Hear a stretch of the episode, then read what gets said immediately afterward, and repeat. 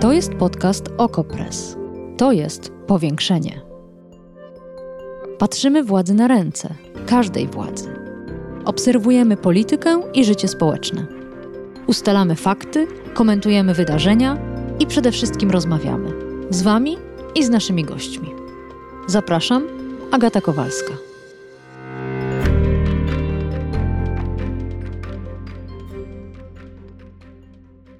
Kiedy przed świętami pytałam Państwa o tematy polityczne, które pojawią się przy Waszym wigilijnym stole, mnóstwo osób odpisało żadnej polityki w święta. Odpoczynek, rodzina, dobre jedzenie, media będą wyłączone. Ja też odpoczywałam i zastanawiam się, co przegapiliśmy. Czy od 24 grudnia w polskiej polityce wydarzyło się coś istotnego, a może było o czymś głośno, a tak naprawdę nie miało większego znaczenia. Sprawdzimy dzisiaj w powiększeniu.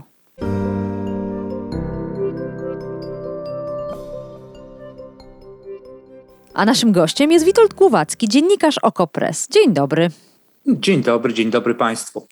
No właśnie, pamiętam dobrze, że 27 grudnia wciąż bardzo intensywnie odpoczywałam. Myślę, że mnóstwo z naszych słuchaczek i słuchaczy też, a pracował kto inny. Pracował Andrzej Duda. Tak pracował, że aż zawetował ustawę Lex TVN, czyli ustawę, która zmienia zasady koncesji i uderza bezpośrednio w konkretną telewizję, w telewizję TVN. Czym była powodowana ta decyzja? Czy my w tym momencie już wiemy, co tak naprawdę spowodowało to weto? Mm, tak do końca nie wiemy i ogłoszenie tej decyzji od razu w poświąteczny poniedziałek, czyli dość szybko, bo Andrzej Duda miał e, jeszcze ponad dwa tygodnie na mm, podejmowanie tej, e, tej decyzji, oznaczało, że po pierwsze był zdecydowany, po drugie chciał to zrobić szybko i z przytupem w środku takiego no, tradycyjnego, pustego, odpoczynkowego okresu, jakim w polityce jest cały ten okres świąteczny zwykle. Hmm. Więc e, to, że to, że to było było 27 e, grudnia, było jakoś tam znaczące. Po drugie, to była decyzja zaskakująca. Większość komentatorów, w tym także my w redakcji Okopres, e, e, przewidywała, że Duda wybierze raczej rozwiązanie polegające na takim umywaniu rąk od tego problemu i wysłaniu tej ustawy do Trybunału Konstytucyjnego. Do Julii Przyłębskiej. Do Julii Przyłębskiej, powodu przepisów, które się w tej ustawie znalazły, dotyczących tego, że on straciłby prawo do powoływania e, dwóch spośród pięciu członków Rady, e, Krajowej Rady Radiofonii i Telewizji. To, to trafiłoby do Trybunału Julii Przyłębskiej i mm, tak naprawdę do decyzji Jarosława Kaczyńskiego. I tak do tego nas przyzwyczaił prezydent. Ta prezydentura tak wygląda, że w większości problemów prezydent nie rozwiązuje, albo ich unika, albo właśnie wysyła je do e, Trybunału, czyli tak naprawdę składa z powrotem na ręce Jarosława Kaczyńskiego. A tym razem tak się nie stało. Spróbujmy jednak pomyśleć, z jakich powodów, bo prezydent później wystąpił publicznie i te swoje powody przytaczał, mówił innymi o umowie gospodarczej ze Stanami Zjednoczonymi, o tym, że w Polsce powinna panować wolność mediów, że nie chce prowokować podziałów, co jego zdaniem mogłaby ta ustawa czynić i jeszcze na dodatek przeszkadzała mu e, ścieżka legislacyjna e, z błędami, wadliwa prawnie. E, czy którykolwiek z tych przytoczonych przez prezydenta powodów wydaje się realistyczny, czyli realnie mógł wpłynąć na jego decyzję? To znaczy, ja bym się niezwykle cieszył, gdyby e, prezydent Andrzej Duda nagle postanowił e, bronić w Polsce wolności mediów, jak również I praworządności. E, praworządności, jak również przyczyniać się do tego, by w Polsce nie powstawały nowe linie podziałów. No do tej pory tego w ogóle nie robił, tak. ale oczywiście zachęcamy. Wierzyć, że Zawsze zachęcamy. W tym, w tym, świątecznym okresie doszło do jakiejś magicznej przemiany tak. w jego duszy. Ale nie, żarty żartami. Na pewno mógł jakąś rolę odegrać, rzeczywiście kontekst y, międzynarodowy mhm. całej tej sytuacji. To znaczy to, że groziła ona takim drastycznym, jeszcze większym niż e, ma to miejsce w ostatnich miesiącach ma, pogorszeniem stosunków ze Stanami Zjednoczonymi. Mhm. Co mm, teraz w, w kontekście e, całego kryzysu, e, który można nazwać militarnym na, na, na, na linii Rosja-Ukraina, na w obliczu możliwego, potencjalnie możliwego mm, ataku zbrojnego na Ukrainę, no byłoby bardzo marną dla Polski sytuacją i tutaj jakby uniknięcie takiego za, za, za ogniania stosunków ze Stanami Zjednoczonymi no można określić jako jakąś taką, no nie wiem, elementarną polską e, rację stanu.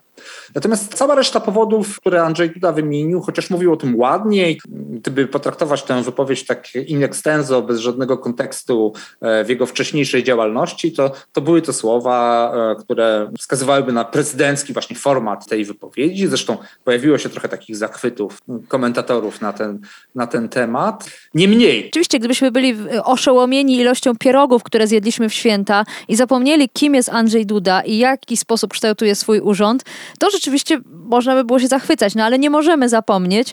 W związku z tym, czy to jest jakiś rodzaj buntu politycznego, czy to jest sprzeciwienie się Kaczyńskiemu, czy też no tak, tak, naprawdę, co jest ulubioną formułą bardzo wielu komentatorów politycznych, ale też rzeszy śledzących politykę, to jest plan Jarosława Kaczyńskiego realizowany rękoma e, Andrzeja Dudy. Nie, to nie jest taki plan. To znaczy, po pierwsze, to w ogóle nie jest prawda, że Jarosław Kaczyński planuje na 17 ruchów do przodu jakieś polityczne majsterszczyki, których każdy ruch okazuje się być czymś zupełnie innym i w finale zaskakiwać. Nie, nie, nie. To, jest, to po pierwsze wcale nie jest cechą Jarosława Kaczyńskiego. Po drugie, w tej chwili największym problemem PiSu e, i Jarosława Kaczyńskiego jest spójność tej mniejszościowej już koalicji, która nadal rządzi mhm. I która ma e, elementarne problemy z e, samą sobą i z doprowadzeniem do przegłosowania niektórych ustaw, na przykład tych dotyczących walki z COVID-em. Tutaj od miesięcy jest problem z e, zebraniem większości, no bo po prostu jest ruch antyszczepionkowców i cudzysłów antysanitarystów w obrębie Zjednoczonej Prawicy. Po drugie, nie ma kompletnie porozumienia w kwestii no, kluczowej i dla Polski, i dla rządzących, czyli czyli reakcji na posunięcie Komisji Europejskiej, która zablokowała zatwierdzenie Krajowego Planu Odbudowy. No, czyli ty mówisz, żeby... że, y, mówisz, że Jarosław Kaczyński ma problemów po kokardę, jeśli chodzi o jego własną partię i, y, tak, i, i sytuację... I budowa, budow budowanie tutaj planu, w którym Duda miałby odegrać rolę zaskoczenia wetującego ustawę, w której przeforsowanie PiS włożył naprawdę dużo wysiłku i naprawdę postawił e, wszystko na jedną kartę, no to tutaj e, taki ruch ma e, dla wyborców, dla partyjnych szeregów, dla całego otoczenia PiS, dla mediów związanych z PiS ma mm, po prostu e, wymowę jednoznaczną. To znaczy, mhm. Lex TVN upadło. I, no dobrze, to dlaczego Andrzej Duda to zrobił? Dudy. Najpopularniejsza teoria, do której ja bym się przychylał, jest taka, że Andrzej Duda myślał troszeczkę też o swojej przyszłości e, w roli byłego prezydenta. O wykładach w Stanach Zjednoczonych? Troszeczkę tak, troszeczkę tak. To znaczy o wykładach, może o jakiejś drugorzędnej funkcji międzynarodowej, czy jakiejś, nie wiem, na pograniczu właśnie nie, życia, cudzysłów, naukowego. Mm, też mówię o tym w cudzysłowie, to jest jedna rzecz, ale druga rzecz to jest e, to, że ta jego polityczna emerytura wcale nie musi się wiązać e, ze Stanami Zjednoczonymi. Ona się może wiązać jak najbardziej z Polską i z tym, co za te kilka lat będzie z szeroko rozumianym obozem prawicy w tym kraju. W roku 2025 piątym. Ja nie mam pojęcia, jak będzie wyglądała zjednoczona prawica, czy ona będzie zjednoczona, jak będzie wyglądało Prawo i Sprawiedliwość. Być może Jarosław Kaczyński rzeczywiście dotrzyma słowa i już więcej nie będzie kandydował na prezesa PiS. Może wycofa się na polityczną emeryturę, może dojdzie tam do e, jakichś ruchów tektonicznych, które sprawią, że na przykład e, już nie będzie jednej dominującej partii na prawicy. I być może Andrzej Duda też myśli o tym, że może tu odgrywać rolę jakiegoś lidera. Czyli to, to miałby znaczy... być akt niezależności, pokazania, tak, że jest się samodzielnym politykiem? Niezależności, skierowany do tego legendarnego, ale jednak istniejącego nieco bardziej centrowego wyborcy Prawa i Sprawiedliwości. Tego wyborcy, który woli powiedzmy Mateusza Morawieckiego od Zbigniewa Ziobry i to woli bardzo. Mm, tego wyborcy, który tak naprawdę jest przeciwnikiem Lex TVN i który dawno już by chciał, żeby Polska E, zmieniła ustawę o Sądzie Najwyższym po to, żeby odblokować 57 miliardów euro, bo jak wiemy 57 miliardów euro e, piechotą nie chodzi i naprawdę to e, nawet dla części wyborców PiS to nie jest jakby stawka, dla której warto by było utrzymywać zależną od Ziobry Izbę Dyscyplinarną Sądu Najwyższego. Więc taki wyborca może być może oczekuje jakiegoś takiego bardziej zdroworozsądkowego lidera w obrębie Prawa i Sprawiedliwości. I tak, to, to może mu budować jakiś polityczny kapitał. Ja bym tego wcale nie wykluczał. A wracając do wydarzeń, które miały miejsce w czasie świąt i tuż po świętach, przez ostatnie półtora tygodnia, to duże zainteresowanie wzbudza hasło Pegasus. Tu krótki fragment. Kogo wzbudzał, tego wzbudza, ponieważ w wywiadzie dla Interi Jarosław Kaczyński został zapytany wprost, co z tym Pegasusem? I odpowiedział, nie wiem, co z tym Pegasusem. To się miało dziać w roku 2019, tu chodziło akurat o inwigilację e, mecenasa Romana Giertycha. Nie byłem wówczas wicepremierem do spraw bezpieczeństwa, nie mam o tym większego pojęcia. E, pytany o, o sprawę prokurator Wrzosek czy pana senatora Brejzy, Odpowiada Jarosław Kaczyński, pierwsza osoba w państwie. Nie wiem, nie wiem, nie słyszałem. O czym to świadczy i co w czasie tego ostatniego tygodnia nowego dowiedzieliśmy się o działaniu Pegasusa w Polsce?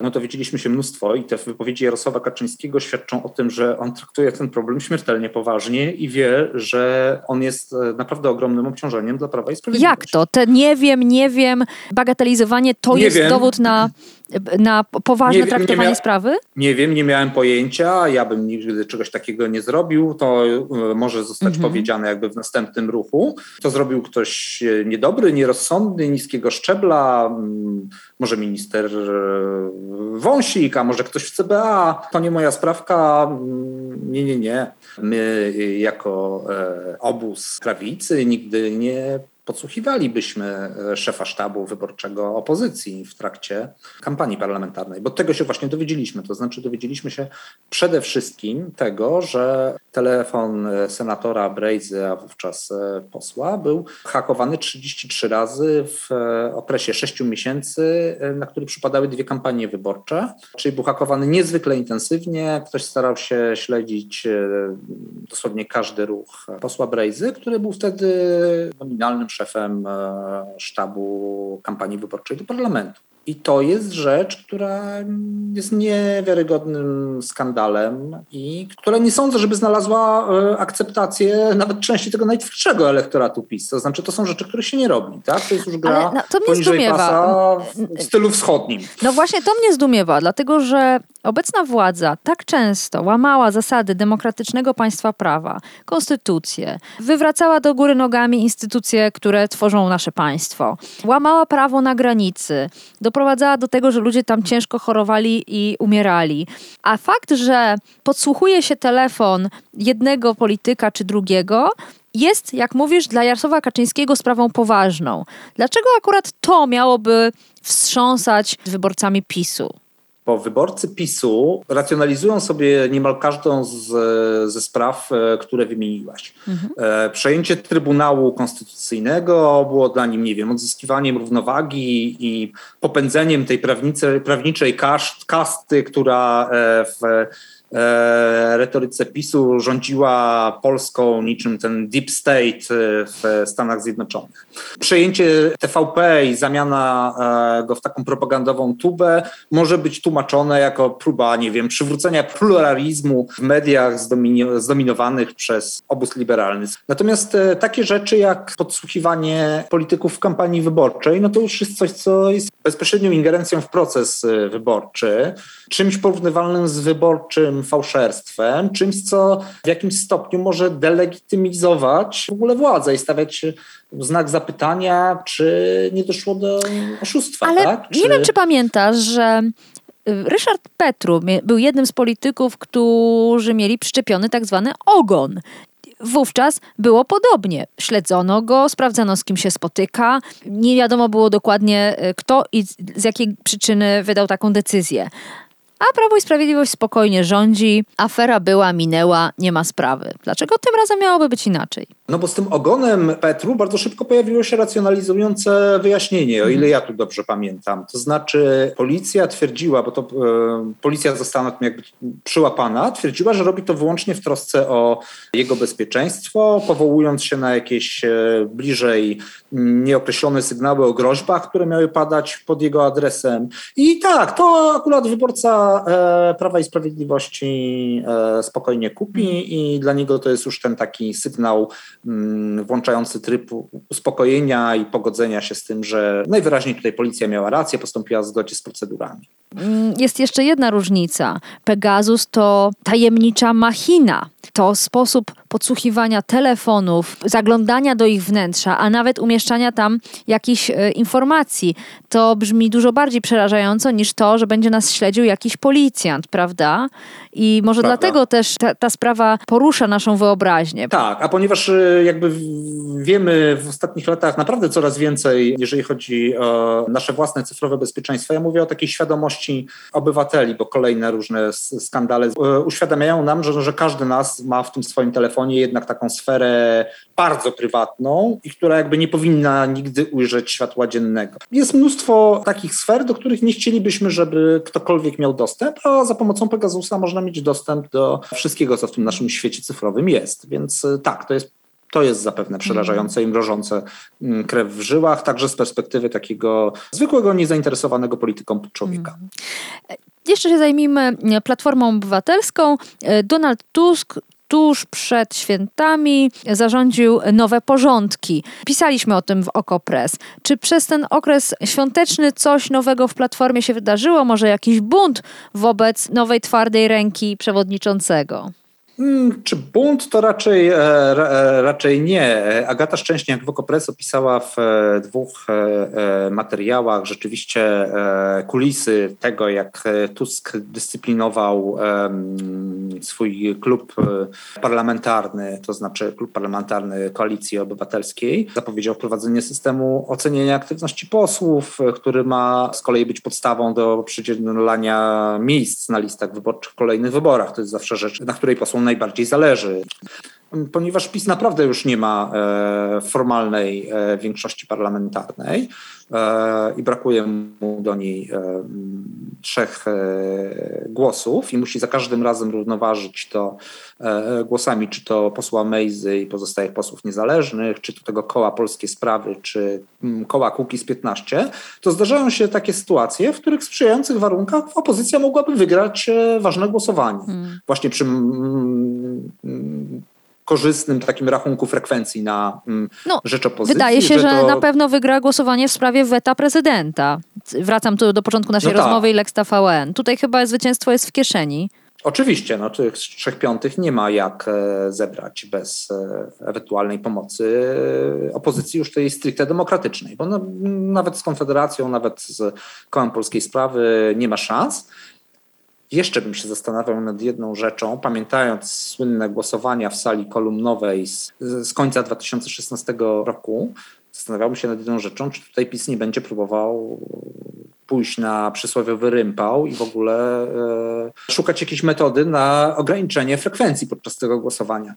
Hmm. Na przykład zwołać je w ostatniej chwili, prawda, SMS-ami, które dziwnym trafem nie dotrą do posłów opozycji. To oczywiście byłby, to oczywiście był... Byłaby awantura. Ho, ho, ho. No nie no, to, to, byłby, to byłoby zupełnie skandaliczne, ale z formalnego punktu widzenia e, to musi być większość 3 piątych głosów przy obecności co najmniej połowy posłów, czyli przy obecności 230 posłów. To jest pytanie też o skalę determinacji w sprawie ustawy e, o Lex TVN i pytanie o to, jakby do czego jest w stanie się PiS jeszcze posunąć w obecnych warunkach politycznych, które no, są coraz mniej korzystne dla Prawa i Sprawiedliwości Zjednoczonej Prawicy ten okres świąteczny trwał krótko, a wydarzyło się w tym czasie dużo i to bardzo ważnych e, rzeczy. Zatem możemy się spodziewać, że i cały następny rok będzie pełen różnych doniesień. Na pewno będziemy je opisywać w Okopres i próbować je nie tylko opisać, ale przede wszystkim zrozumieć. W czym będzie nam pomagał Witold Głowacki, dziennikarz Okopres, któremu serdecznie dziękuję za to spotkanie. To ja dziękuję i dziękuję Państwu. Powiększenie Podcast Okopres. Prowadzenie Agata Kowalska. Podcast znajdziesz na stronie Okopres i w Twojej ulubionej aplikacji do podcastów. Redakcja Okopres działa od 2016 roku. Jesteśmy obywatelskim narzędziem kontroli władzy, obecnej i każdej następnej. Okopres utrzymuje się z Waszych darowizn. Wesprzyj nas, byśmy mogli działać dalej.